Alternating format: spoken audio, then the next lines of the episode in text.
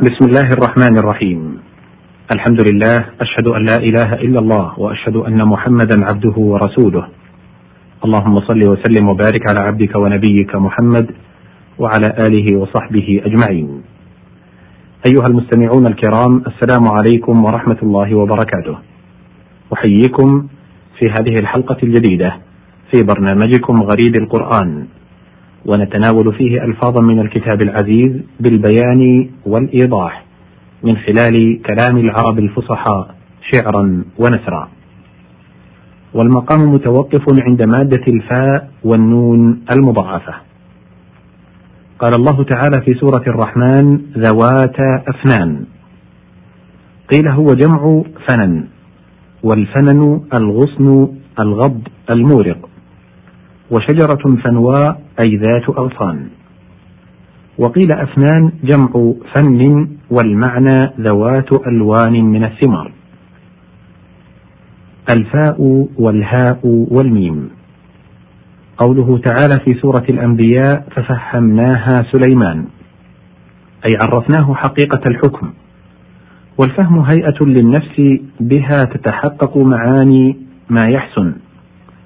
وقوله ففهمناها سليمان يحتمل أن يراد جعلنا له من فضل قوة الفهم ما أدرك به ذلك أو ألقينا ذلك في روعه أو أوحينا إليه وخصصناه به. والاستفهام طلب الفهم عما جهله. الفاء والواو والتاء. قوله تعالى في سورة سبأ ولو ترى إذ فزعوا فلا فوت أي لا يفوتون ما فزعوا منه. وأصل الفوت البعد عن الشيء بحيث يتعذر إدراكه. والافتيات افتعال منه وهو أن يفعل الإنسان الشيء من دون أمر من حقه أن يؤتمر. وقوله ما ترى في خلق الرحمن من تفاوت التفاوت الاختلاف والتباين في الأوصاف كأنه يفوت وصف أحدهما الآخر. الفاء والواو والجيم. قوله تعالى في سورة صاد هذا فوج مقتحم. الفوج الجماعة من الناس وغيرهم فهو اسم جمع كقوم ورهط يجمع على أفواج.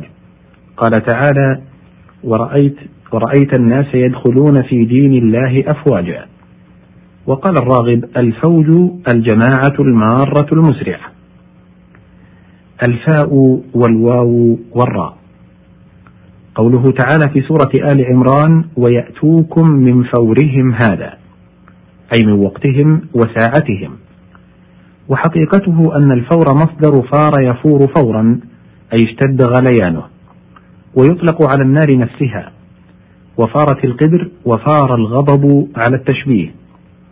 وفلان يفور من الحمى فإذا قيل فعله من فوره فالمعنى في حال غليان الدم واشتداده. ومنه قول المتكلمين والفقهاء الأمر يقتضي الفور والخيار في العيب والشفعة على الفور. كل ذلك يريدون به عدم التأخير. وقوله تعالى وهي تفور أي تغلي. والفوارة ما ترمي به القدر عند فورانها. وفورة الماء على التشبيه بذلك. الفاء والواو والزاي قوله تعالى في سورة الجاثية ذلك هو الفوز المبين. الفوز النجاح وقيل الظفر بالخير مع حصول السلامة. والمفازة الفلاة المهلكة وإنما سميت بذلك على سبيل التفاؤل. وقيل سميت بذلك لأن سالكها إذا قطعها وصل إلى الفوز وهو النجاح. وقوله فلا تحسبنهم بمفازة من العذاب أي بمنجاه وقيل ببعد وهذا من طريق لازم لأنهم إذا نجوا منه بعدوا عنه. قال بعضهم سميت مفازة لأنها مهلكة من قولهم فوز الرجل إذا مات. قال الراغب فإن يكن فوز بمعنى هلك صحيحا فذلك راجع إلى الفوز. وتصور أن من مات فقد فاز ونجا من حبالة الدنيا. فالموت وإن كان من وجه هلكا فمن وجه فوز.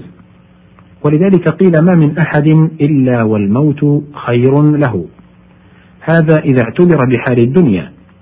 فأما إذا اعتبر بحال الآخرة فما يصل إليه من النعيم فهو الفوز الكبير. وقد أشار إلى ذلك بقوله فمن زحزح عن النار وأدخل الجنة فقد فاز. وقوله إن للمتقين مفازا يجوز أن يكون مصدرا وأن يكون مكانا أي موضع فوز. وقوله حدائق وأعنابا تفسير لذلك الفوز أو مكان الفوز.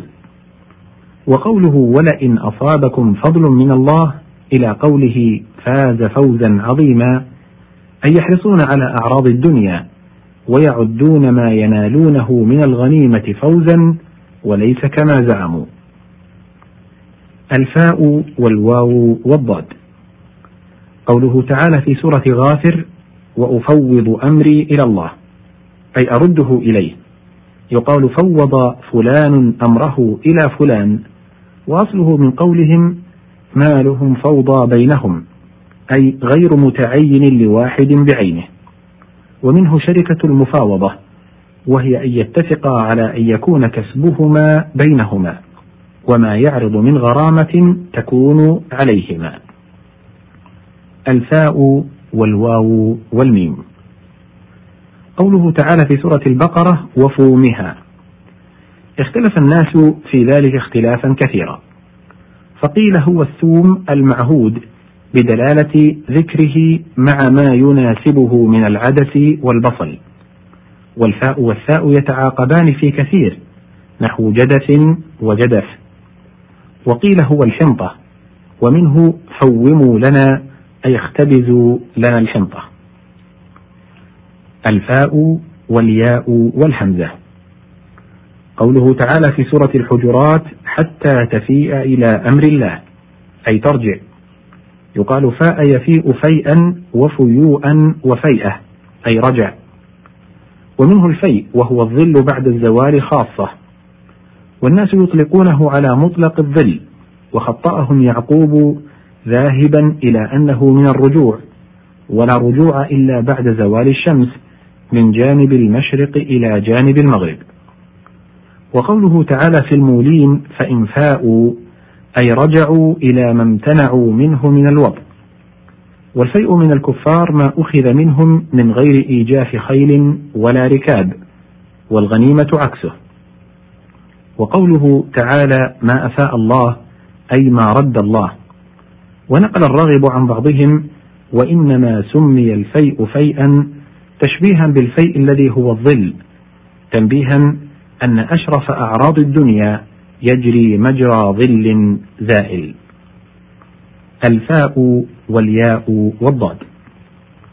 قوله تعالى في سورة الأحقاف بما تفيضون فيه أي تتحدثون وتجولون. مأخوذ من فاض الماء إذا سال وأفضته أنا أسلته فيضا. وأفاضوا في الحديث أي خاضوا فيه. وقوله تعالى فإذا أفضتم من عرفات وقوله ثم أفيضوا من حيث أفاض الناس أي جئتم منها تشبيها لها بالفائض من مقره. والفيض الماء الكثير وفي المثل أعطاه غيضا من فيض أي قليلا من كثير. وقولهم رجل فياض أي سخي والفيض العطاء. هنا ينتهي الحديث في هذه المادة وبانتهائه انتهى وقت هذه الحلقة. أشكر لكم طيب استماعكم كما أشكر للزميل تركي الهزاع من الهزات الصوتية والسلام عليكم ورحمة الله وبركاته.